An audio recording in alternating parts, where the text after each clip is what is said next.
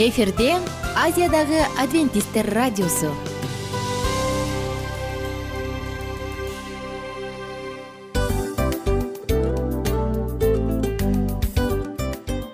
Достор салют. Баардык сүйүктүү угармандарыбызга салам айтабыз. Кутман күнүңүздөр менен. Ден соолук өмүрдүн булагы демекчи саламат саамы программасында баарыңыздарды көргөнүбүзгө абдан кубанычтабыз. Анда алгач амандашып өтөлү арбаңыздар деп. Ден соолугуңуздар кандай элибизде көбүнчө ден соолук кандай дегенде эле жакшы деп жооп беребиз э? ооруп турсак дагы жакшы дейбиз. Анан мен муну айтып ойлойт элем бул абдан сонун сөз депчи анткени бул жакшы деген үмүт да э ооба баары жакшы болот. Баары сонун. Деп үмүттөнүп атып эле өзүбүздү өзүбүз дарылап коебуз.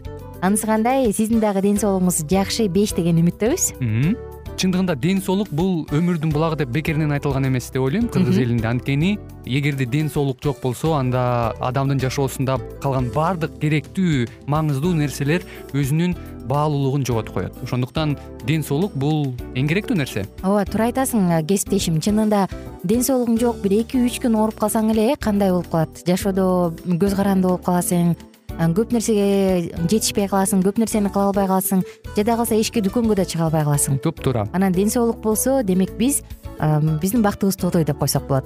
Анда достор саламат саамы рубрикабызды баштайлы. Алдыда өзүңүзгө керектүү болгон сонун кеңештерди уга аласыздар. Мына ошондуктан биз менен бирге болуңуздар. Ал эми биз болсо милан жана айнура.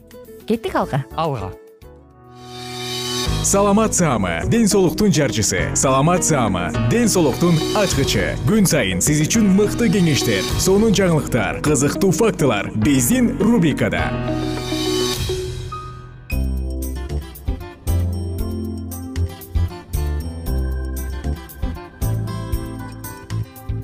Кутмандуу күнүңүздөр менен достор кайрадан сиздер менен бирге мен айнура миназарова. Саламат саама рубрикасы жана бүгүнкү темабыз мээге пайдалуу адаттар. Денебизге кам көрүш үчүн бизде сонун адаттар бар эмеспи бул биз спорт менен машыгабыз туура тамактанабыз таза аба менен дем алабыз жана башка. Ушул сыяктуу эле мээге дагы туура кам көрүү үчүн сонун күнүмдүк адаттар бар. Мунун баардыгы мээнин саламаттыгы үчүн кам көрөт. Мурунку октуруда биз бир нечесин санап өткөнбүз. Угарман сиздин эсиңизде бар болуш керек досум мунун баардыгы тең. Ал эми бүгүн ушул саатыбызда андан ары улантсак кыскача эске салсак бул туура кам көрүүнүн бирден бир бөлүгү бул суу деп айтканбыз. Адамдын мээсинин көп бөлүгү суудан тургандыктан суу ага жетиштүү өлчөмдө жетип турушу керек. Кийинкиси туруктуу жана регулярдуу уйку деп айтканбыз. Эгер уйку канбаса бул да болсо адамдын мээсине туура эмес таасир тийгизет дегенбиз. Жана дагы бирөө бул физикалык активдүүлүк болчу э? Эсиңиздеби? Физикалык активдүүлүк дагы абдан жакшы доктурлар жумасына жүз элүү минимум жүз элүү мүнөт аэробикалык көнүгүүлөрдү жасап туруш керек деп айтышат. Же болбосо бул жака жөө басуу велосипед тебүү сууга сүзүү мына ушулардын бирин сөзсүз тандап алсаңыз болот. Достор регулярдуу физикалык көнүгүүлөр дене көнүгүүлөрү адамдын акыл жөндөмдөрүн азайтпайт жана эс тутумун дагы начарлатпайт. Ал эми физикалык көнүгүү жок боло турган болсо акыл жөндөм жана эс тутум өтө начарлап кетет. Мындай учурда нейрондор кайрадан калыбына келбейт. Бир изилдөөдө атайы жаныбарларга изилдөө жүргүзүшкөн ал жактан мындай жыйынтыкка келишкен. Регулярдуу дене көнүгүүлөрү физикалык активдүүлүк нейрондордун кайрадан калыбына келишин жакшыртат жана тездетет деген бул мээнин гиппокамп бөлүгүндө. Бул болсо албетте эс тутум үчүн жооп берет. Ал эми бул изилдөө ой адам карыгандан болду мээси катып калат мээси өөрчүбөйт деген жалган бир түшүнүктү четке какканга жардам берет. Көрсө адам канча жаштуу болбосун анын нейрондору кайрадан калыпка келүү жөндөмүнө ээ. Мындай эң сонун эле нейрондордун регенерациясы бул физикалык активдүүлүк. Ошондуктан колуңуздан келишинче физикалык активдүүлүккө аракет кылыңыз. Анткени дене көнүгүүлөрү мээге кандын жакшы келишин жакшыртат. Андан сырткары нейрондордун баардыгын кислород менен камсыздайт кислороддун жетишсиздиги адам канча гана жаштуу болбосун сөзсүз түрдө анын эс тутуу жөндөмүнө таасир берет. Достор кислород канга биз дем алган аба аркылуу дагы кирет ал болсо кислород канды кан кислородду ошону менен бирге органдарга жана мээге жеткирет. Эгер биз туура дем алып туура жүрө турган болсок демек каныбыз дайым кислородко бай. Ошондой эле биздин өпкөбүзгө жетип жаткан аба дагы канчалык колдон келишинче мүмкүн болушунча ар кандай химиялык булганычтардан түтүндөн таза болгону жакшы.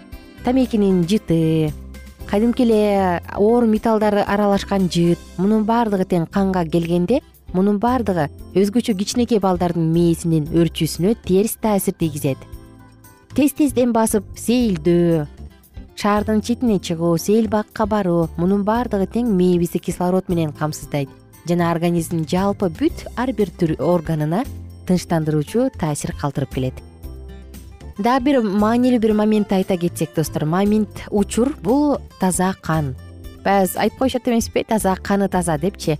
Бул албетте эң эле популярдуу айтылган сөз бирок ошентсе дагы анын чындыгы бар.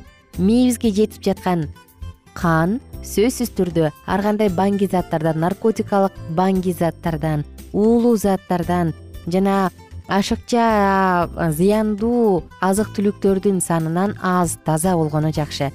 Мээбиз аркылуу кандын он беш пайызы өтүп турат. Элестетип көрүңүз. Эгерде башкача сөз менен айта турган болсок анда биздин жүрөгүбүздөн каныбызга чейинки ой мээбизге чейинки кан он беш пайызы биздин мээбиз аркылуу улам өтүп турат. Ар бир мүнөт сайын мээ аркылуу жети жүз элүү миллилитр кан өтөт эгерде муну бир күндүкүн ала турган болсок бир күндө мээ аркылуу кырк беш литр кан жүрөт. Элестетип көрүңүз бул эмне деген гана укмуш. Демек достор ар бир саатта баардык кан биздин мээбиз аркылуу жети жолу өтүп жетишет. Кан нейрондорду кислород менен гана эмес глюкоза менен дагы камсыздайт. Андан сырткары ал ага башка заттарды дагы жеткирип турат мунун баардыгы биздин мээбиз денебиз нормалдуу функциясын аткара алыш үчүн керек. Албетте бул эмне десеңиз ар кандай кислоталар белок б туундагы витаминдер минерал жана гормондор мунун баардыгы мээнин иштеши үчүн дагы керек. Демек кан жанагы жогоруда санап өткөн баңги заттар алкоголь дым түтүн мындардан алыс болгону жакшы. Жана достор канды таза бойдон кантип сактай алам анда деп ойлонуп калдыңыз болуш керек биз сизге кубанычтуу жооп беребиз. Мындан чыгуу жолу бар. Болгону гана алкоголдук ичимдиктерди тамекини жана наркотикалык баңги заттарды ашыкча зыяндуу азык түлүктөрдү колдонбогонго аракет кылыңыз. Күнүгө колуңуздан келишинче бөйрөктүн иштешин жакшыртыш үчүн суу ичиңиз. Эт жана башка ушул сыяктуу зыяндуу тамактардан жегенден таптакыр эле баш тартып коюңуз.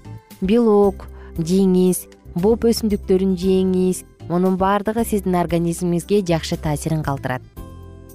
Достор сиздер менен бирге айтып отурабыз айтып отурабыз. Э, саламаттуу дене деп бир нече программанын циклинде айтып өттүк. Кимдир бирөө үчүн ден соолук ой азыр бар болду ал үчүн кам көрбөйм дейт. Бирок сиз өзүңүздүн жашооңузду өзүңүздүн келечегиңизге канча жылды көздөй алдыны карайсыз? Бирби бешпи онбу же элүү жылбы балким сиз азыр жашаш керек дерсиз алдыңкы келечек жөнүндө ойлонгондо эмне? Анын ойлонуп кереги барбы дешиңиз мүмкүн. Бирок достор кереги бар. Анткени карылык тилекке каршы качып кутула алгыс нерсе. Мен бир дагы өлбөгөн адамды тааныбайм.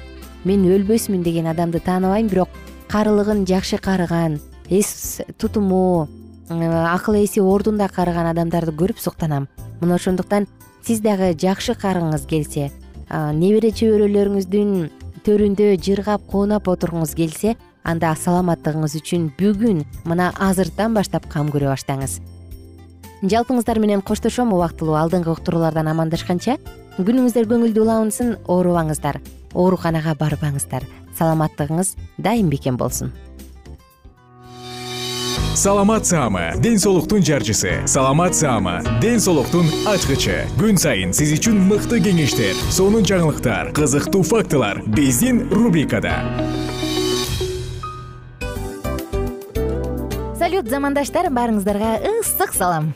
Дил маек программабызга кош келиңиздер. Дил маек рубрикасы дегенде эле бул эмне болгон дил маек? Ким менен маектешебиз деп сурайт болуш керек угармандарыбыз бул рубриканы кыскача тааныштыра кете турган болсок ар тарап кесип ээлеринен болгон сонун интервью кеңештер бар. Ооба. жылдыздар менен болгон маек бар. Аталарыбыздын агаларыбыздын чоң аталарыбыздан сонун кеңештер бар. Ошондой эле эже сиңдилердин кеңештери бар айтор. Баардык кызыктардын баары алдыда. Негизи эле адам баласы бир кимдир бирөөнө ишенип сырын ачкысы келет эмеспи э мындай баарлашууга жакын келебиз го. Албетте негизи бир жерге отуруп алып кенен шашпай баягы жүрөктөн жүрөккө ачып сырларыбызды ар кандай көйгөйлөрүбүз менен бөлүшүп баягы чын жүрөктөн маек курганды кимибиз сүйбөйбүз э? Ооба десең ал нерсеге суусап да келебиз да. Ооба кээ бирде адамга чындыгында баягы э, ысык маек баягы жылуу маек жетишпейт да. Ошондуктан биз ушул рубриканы ойлоп тапканыбызда эң биринчи эле достор сиздер менен чын жүрөктөн бир маңыздуу темаларды козгоп кеткени э, кааладык. Ошондуктан ушундай сонун бир рубриканы тартуулап жатабыз. Анын үстүнө радио дагы сонун дос да. Анткени э, мындай учурда досуңа айтсаң досуң досуна айтат досу досуна айтат да анан бүт өлкө билип калышы мүмкүн го радио болсо сени сатпаган сенин айыбыңды ачпаган. Сенин сырыңды эч кимге айтпаган сонун дос ошондуктан биздин алдыдагы айта турган кеңештерибизди биздин досторубуздун кеңештерин угуп анан ал жака пикириңизди дагы калтырып кайрадан биз менен байланышсаңыздар болот. Деги эле жашооңузга эгерде кичине болсо дагы өзгөрүү алып моралдык жактан моралдык жактан сонун бир кеңештерди алсаңыз демек биз максатыбызга жеттик. Ооба. Чыңгыз атабыз улуу жазуучу э, чыңгыз айтматов айткандай адам болуу бул күнүмдүк процесс экен. Күн сайын адам бойдон калуу бул адамзатка эң эле кыйын дейт э? э эң кыйын дейт. Чындыгында бунун негизинде адамдын эң баягы сапаттуулугу адамдын э, адамгерчилиги жана көптөгөн керектүү нерселер мына ошол темалар дагы бизде э, ушул дил маекте биз аларды да козгойбуз. Ден соолук жөнүндө да сүйлөшөбүз. Сөзсүз түрдө. Анан милан мырза негизи айтып коюшат го?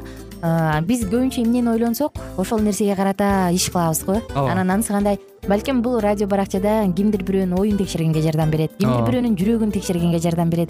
Балким кимдир бирөөгө жашоонун маңызын тапканга жардам берер. Айтор кызыктын баары алдыда бул жөн гана кыскача жарнама анда угармандарыбыздын баардыгын кийинки рубрикабызга чакырабыз. Ал эми кызматта маңдайымда отурган кесиптешим милан жана мен айнура. Анда эмесе биз даярдаган терең терең ойлор менен таанышууга кеттик. Алыс алыс баралык анда эмесе достор биз менен бирге болуңуздар. Алдыда эң кызыктуу маалыматтардын баардыгы бир нече мүнөттөр бою жалгыз гана сизге арналат мына ошондуктан жакшы маанай менен угууну каалайбыз. Үн алышканча. Жөнөдүк. Ар түрдүү ардактуу кесип ээлеринен алтын сөздөр жүрөк ачышкан сыр чачышкан сонун маек дил маек рубрикасында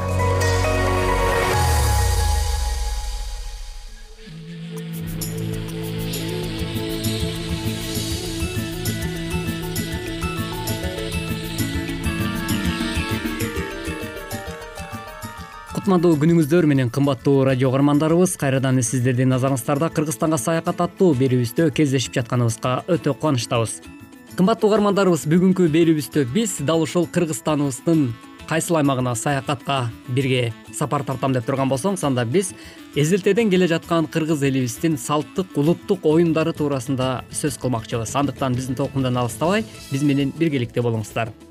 Ал эми кыргыз элинин улуттук оюндары болуп кайсыл оюндар саналат деп турган болсоңуз буга ордо тогуз коргоол оромпай дүпүлдөк ак чөлмөк аңкилдек уюм туудуу селкинчек упай жана башка ат оюндардын дагы түрлөрү эсептелинет. Мисалы кесиптешим айтсаң ушул кичинекей кезибизде биз бала чакта баягы элет жергесинде айылда э, ай толгон мезгилде э, жайкаптап да эшикке чыгып алып ак чөлмөк ойночу элек. Ушу ак чөлмөк туурасында дагы айтып берсең ак чөлмөк негизинен айлуу түндө ойнолот экен. Балдар эки тарап болуп бир жерди белгилеп бир нерсе коет. Мисалга таш чапан же башка бир нерсе. Андан бир тарап бир карыштай жыгачты ак чөлмөктү алып ыргытып жиберет. Аны издеп таап алып кайсы тарап болсо да колунан тарттырбай алып келип таштаса бир упай алган болуп эсептелинет экен. Ошентип ойной беришет ким белгиленген жерге алыс таштаса ошол тарапты көп таштаганы эшик кылып минишет экен. Ак чөлмөктөн ыргытып ошого жеткиче айдай берет минип алып. Ал эми жоолук таштамай оюну бул тегерете отуруп алышып э, аралаш мисалы кыз бала болуп аралашып отуруп алышып кайсыл бир кыздын жоолугун алат дагы э, аны эшип алып эшип алып ошол жоолукту кызбы же эркекпи алып алып тегерете отурган топтун айланасынан жүгүрүп отуруп э, бирөөнүн аркасына таштап өтүп кетет. Демек ошого таштаган адам анын артынан кубалап жөнөйт. Эгерде жетип анын аркасынан э, эшилген жоолук менен чаба турган болсо демек ал утушка ээ болуп кайрадан анын артынан экинчиси кубалап жүрүп отурат. Мына ушундай э, кызыктуу э, оюн дагы биздин улуттук оюндардын катарына кирет экен. Демек бул дагы сизге эч убакта өбөн учурабаса керек. Анткени элет жергесинде болобу же болбосо жоро жолдошторубуз менен биз э, ар кандай эс алуу жайларына чыкканда мүмкүн жайлоого барганда ошол эле учурда тууган туушкандарыбыз менен э, кандайдыр бир э, маарекелерге иш чараларга катышканда дал ушул кыргыздын улуттук оюну болгон жоолук таштамай оюнун дагы ар бирибиз ойносок керек. Демек бул баардыгыбызга белгилүү. Андыктан бул дагы биздин ата бабаларыбыздан келаткан эзелтеден сакталып келген улуттук оюндардын катарына кирет экен. Андан сырткары баарыбыз эле ойносок керек. Бул оюн ак терек көк терек деп аталат. Чогулган балдар кыздар акты каралы болуп эки тарапка бөлүнүп маңдай таскей эки бөлөк тизилип бири биринин колдорун бекем кармашат. Тутум боюнча оюн баштоого укук алган тарап жапырт үн менен ак терек көк терек бизден сизге ким керек дешет экинчи тарап бир баланын же кыздын атын аташат. Аты аталган бала жүгүрүп келип каршы тарапка кол кармашып тургандардын бош же алсыз деген жеринен үзүп кетүүгө аракеттенет. Кол кармашып тургандардын колун бөлө албай калса өзү ошол тарапка кошулат. Эгерде кармашып турган колду бөлүп кетсе бөлүнгөн балдардын бирин тобун өз тарабына кошуп алат ушундай эле аракетти экинчи тарап жасайт. Белгиленген убакыт бүткөнгө кайсы тараптын балдарынын саны көп болсо ошол тарап уткан болот. Чындап эле бул дагы улуттук оюн ушунчалык кызыктуу жана ошол эле учурда эң бир сонун көңүл ачарлык десек дагы болот экен. Андан сырткары дагы кыргыздын кандай дагы улуттук оюндары бар деп турган болсоңуз анда кыргыздын улуттук оюну болуп бул аркан тартыш оюну дагы кирет экен аркан тартыш эки тараптан бирдей санда чыккан балдар же жигиттер. Белгиленген сызыктын эки жагына чубай турушуп баары бир арканды кармашып бирдей мезгилде өз тарабын көздөй тартышкан мелдеш оюну.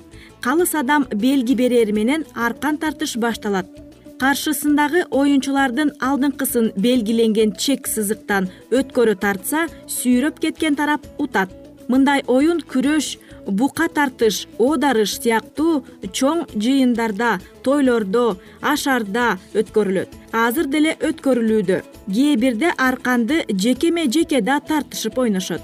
Ошондой эле кыргызыбыздын дагы бир улуттук оюндарынын катарын ээлеп бул беш таш башкача айтканда топ таш оюну дагы бар. Беш таш же топ таш жаш балдардын көбүнчө кыздардын чакмакка окшогон оюну аны ойногондо экиден көбүрөөк балдар катышат. Оюнга катышкандардын бир тарабынан бирөө колуңдагы таштарды жерге чачат. Арасынан бир ташты алып аны жогору ыргытып ал жогортоң келгенче жерден бир таш алып ыргытылган ташты тосуп алат. Жыдыбай жердеги төртөөнү бирден алып оюну улантып экиден үчтөн акыры төртөөнү чогуу бир жолу алып утат эгер макулдашуу узак ойноо болсо беш ташты көкөлөтө акырын ыргытып анын бирөөсүн колунан сыртына тосуп анын аны кайра жогору ыргытып ташты ыргыткан колунан алаканы менен тосуп алат. Жерге түшкөн таштарды сол колунан бармак сөөмөйүн жерге такап экөөнүн алдынан өткөрө бирдей шилтейт. Жыдыбай баарын өткөрсө оюнун улап экиден үчтөн акыры төрттөн бир шилтеп өткөрөт жыдыса оюну атаандашына кезектешине берет.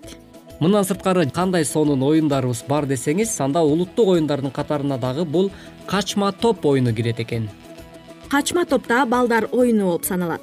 Балдар эки топко бөлүнүп таяк кармашып кайсы топтун өкүлү анын эң учун кармаса оюнду баштап топту чабуу укугун алат. Топ тоскон тараптагылардын бирөө оюнчуларга топ салып берип турат. Калгандары топту тосуп белгиленген чекке чуркап бара жаткан балдары топ менен урушат. Чуркап бара жаткан балдарды топ менен урушат. Чабылган топту жерге түшүрбөй тосуп же качып бара жаткан балдарды урганда тийгизсе алар тарап оюнду жеңген болот эгер өнөктөштөрдүн баары топту бирдей чаап бүтүп эң акырында калган бала топту үч жолу уда чапканга чейин аркы чекке барып кайткан бала жок болсо ал тарап утулган болот. Оюнчулардын кезеги алмашып экинчи тарап топ чабууга келет.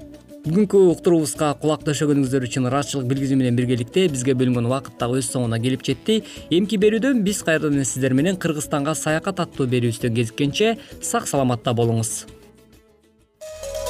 ар түрдүү ардактуу кесип ээлеринен алтын сөздөр жүрөк ачышкан сыр чачышкан сонун маек дил маек рубрикасында.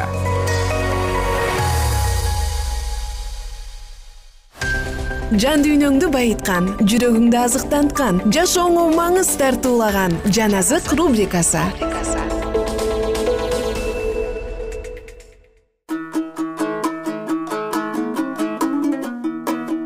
кутмандуу күнүңүздөр менен айымдар жана мырзалар жалпыңыздар менен улуу күрөш китебин андан ары улантабыз.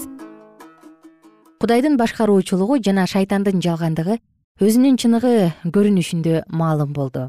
Кудай өзү жараткан жандуулардан тил алчаактыкты жана баш ийүүнү талап кылат. Ал аларга өз эркин жук кылып берип койду. Жана ошону менен ал өзүн гана даңктагысы келет. Жараткан өзү эч нерсе короткон жок деп шайтан кудайды айыптаган эми болсо күнөөгө баткан күнөөкөр уруу үчүн ааламдын башкаруучусу эң эле улуу курмандык бергендигин бардыгы көрүштү. Мындайга бир гана чексиз сүйүү жөндөмдү. Анткени кудай машаякта өзү менен дүйнөнү элдештирди деп жазылат. Экинчи корундуктар бешинчи бап он тогузунчу аятта.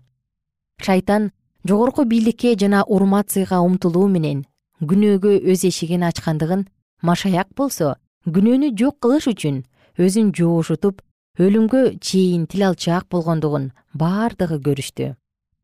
Козголоңчунун негиздерин кабыл албагандыгын кудай мына ушундайча көргөздү. Түгөл асман анын шайтанга карата болгон айыптоосун жана адамдарга карата болгон куткаруусунун адилеттүүлүгүн көргөздү. Кудайдын мыйзамы бузулгус боло турган болсо анда аны бузган адамдарга карата кечирим болбой тургандыгын ар бир мыйзамды бузуучу кудайдын ырайымынан ажыратыла тургандыгын шайтан айткан. Күнөөгө баткан адамзат эч качан кутулбайт. Ошондуктан алар меники деп тыянактуу чечим чыгарды. Бирок машаяктын өлүмү адамдарга карата ушунчалык чоң ийгилик алып келгендиктен аны четке кагуу мүмкүн эмес эле. Мыйзам боюнча бериле турган жаза кудайдын ынтымакташына тийди. Жана азыр адамдар машаяктын адилеттигин кабыл алуу менен өздөрүнүн такыбаалык момун жашоосу менен машаяк дагы шайтандын үстүнөн жеңишке жетишкендей жеңишке жетишет. Ошондуктан кудай адилеттүү жана ыйсага ишенген ар кимди актай алат. Бирок машаяк жер үстүнө бир гана өлүм жана азап чегүү менен адамзатты куткарып алуу үчүн гана келген жок. Ага дагы мыйзамды даңктап жана жогорулатыш керек эле. Анткени бир гана жер тургундары аны кастарлабастан бирок түгөл аалам тургундарына мыйзам бузулгус экендигин далилдеш керек эгерде андагы жазууларды өзгөртүүгө мүмкүн боло турган болсо анда кудай уулу аны бузгандар үчүн курман болуп кажети жок болчу. Машаяктын өлүмү анын бузулгус экендигин далилдеп турат. Ата менен уулду бул күнөөкөрлөр үчүн курмандыкка түрткөн чексиз сүйүү түгөл ааламга теңирдин башкаруучулугунун жана анын мыйзамынын негизи ырайым жана адилеттик экендигин күбөлөндүрдү. Кудайдын мүнөзү жөнүндөгү чындыкты ушул гана куткаруу планы калыбына келтирмек. Акыры чыгарыла турган сот чечиминде күнөөнүн чыгышы үчүн эч кандай себеп жок экендиги билинет. Качан ааламдын калысы шайтандан сен эмне себептен мага каршы көтөрүлүп жана менин карамагымдагыларды азгырып алып кеттиң деген суроого жооп берүүнү талап кылганда жалгандыктын баштоочусу буга эч кандай так жооп айта албайт. Эч ким бир дагы сөз айтууга дармандары келишпейт жана козголоңчулардын бардыгы сүйлөө жөндөмдүүлүгүнөн айрылышат. Голгофадагы айкашкан жыгач мыйзамдын бузулгустугун көргөзөт жана түгөл ааламга күнөө үчүн жаза өлүм экендигин билдирет. Куткаруучунун өлүм алдындагы аткарылды деген сөзү шайтан үчүн өлүм жазасы болуп эсептелген. Ушунча мезгилге созулган улуу күрөштүн аякташы белгиленди. Жана жамандыкты биротоло жок кылуу мүмкүнчүлүгү ачылды. Шайтанды өзүнүн өлүмү менен күчүнөн кетирүү үчүн кудай уулу өлүм дарбазасы аркылуу өттү. Шайтан мындай деген сөздөр менен текебердигин көргөзгөн. Кудайдын жылдыздарынан жогору кылып өз тактымды орнотом. Кудайга теңдеш болом. Теңир мындай дейт мен сени жер үстүндө гүлгө айлантам. Жана түбөлүккө сен болбойсуң. Мына мештей алоолонгон кыямат күн келе жатат. Ошондо бардык текеберлер менен арамза иш кылгандар самандай дүрт тутанып келе жаткан кыямат күндүн отуна куйкаланат. Алардан тамыр дагы бутак дагы калтырылбайт дейт ааламдын теңири. Күнөө эмне экендигин жана анын акыры эмне боло тургандыгын түгөл аалам көрөт. Жана аларды толугу менен башынан эле жок кылуу периштелердин үрөйүн учуруп кудайга карата жаман ойлорду алып келмек ал эми азыр болсо анын сүйүүсүн далилдеп жана аны ааламдын алдында жогору көтөрөт. Анткени алар кимдин жүрөгүндө анын мыйзамдары жазылса алар үчүн кудайдын эрки аткарылгандыгын көрүшөт. Эми эч качан жамандык болбойт. Кудай сөзү мындай дейт жана кайгы эми эч убакта кайталанбайт. Кулдардын кишини сыяктуу шайтан көргөзгөн кудайдын мыйзамы эркиндик мыйзамы катары кастараланат. Жаратылыштын башынан өткөргөн жана чыдаган сынактары эч качан эми өздөрүнө өзүнүн сүйүүсү жана чексиз даанышмандыгы менен ачылып бергендин өзүнөн солкулдабайт жана ишенимдүү бойдон калат. Отузунчу бап. Адам жана шайтандын ортосундагы душмандык. Жана сени менен аял арасын кас кылам сенин тукумуң менен анын тукумун өч кылам. Ал сенин башыңды жанчат сен анын согончогун жагасың биринчи муса китеби үчүнчү бап он бешинчи аят. Адам күнөөгө баткандан кийинки кудайдын шайтанга карата чыгарылган өкүмү акыркы күндөргө чейин камтылган. Жер тургундарынын бардыгы катыша турган улуу күрөш жөнүндөгү пайгамбарлык дагы болуп эсептелет. Кудай мындай дейт? Мен кас кылам. Бул кастык адамга көрүнө тургандай болуп жүргүзүлбөйт. Качан адам кудайдын мыйзамын бузганда анын жаратылышы күнөө менен булганып калган жана ал эми шайтан менен бирдикте кызмат кыла баштады. Албетте күнөөкөр адам менен күнөөгө азгыруучунун ортосунда эч кандай душмандык болушу мүмкүн эмес. Тигил дагы бул дагы кудайдын чындыгынан баш тартышып күнөөлүү болуп калышты. Жана ошол мезгилден тартып улуу чагымчыл ага азгырылгандар анын ишин жасаганда гана тынч албаса өз тынчтыгын жоготуп койгон. Ошондуктан күнөөгө баткан периштелер менен адилетсиз адамдар мыйзамсыз келишимге биригишип турушат. Эгерде теңир бул көрүнүштөргө кийлигишпей турган болсо анда шайтан менен адам биргелешип асманга карата күрөшүүгө чыгышмак.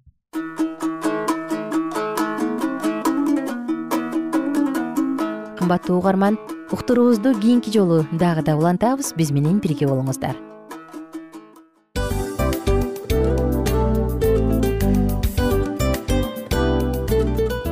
мына ушинтип убакыт дагы тез өтүп кетет экен. Биз дагы радио уктуруубуздун аягына келип жеттик келип кубандырдыңар эми кетип кубандыргыла деп тамашалап калышат эмеспи анысы кандай? Радио баракчабызды программабызды азыр эле баштап аткандай болдук элек. Мына соңуна келдик э? Негизи убакыт э, билинбей өтүп кетет экен? Мен дагы убакыт дегенде бүгүн бир адам менен сүйлөшүп калдым. Анан убакыт бул мүмкүнчүлүк деп айтып өзүмө өзүм айтып алып анан мага өзүмө эле кайра ачылыш болду да чын эле э Э, карап отурсаң ошол эле жыйырма төрт саат ошол эле жарым саат кайталанып атат. Бирок сендеги мүмкүнчүлүк жок ошол кой берилип кетти? Анысы кандай? Бүгүнкү сонун убактыңызды алтындай болгон жарым саатыңызды бизге бөлүп арнаганыңыз үчүн ыраазычылык айтабыз. Анан жашооңуздун кайсы бир сферасын өзгөртө турган сонун пайдалуу кеңеш алган болсоңуз анда биз максатыбызга жеттик. Анан ушул нерсени кылбасам десеңиз ошол өзгөрүүлөрдү кичинекей кадамдардан баштап иш жүзүнө ашырыңыз дагы жашооңузда чоң чоң ийгиликтерге жетиңиздер чын жүрөктөн ар бир берилген кеңештер сөздөр сиздерге пайдасын алып келет деп ишенебиз. Жана кийинки уктурууларда сөзсүз түрдө чыдамсыздык менен сиздерди күтөбүз.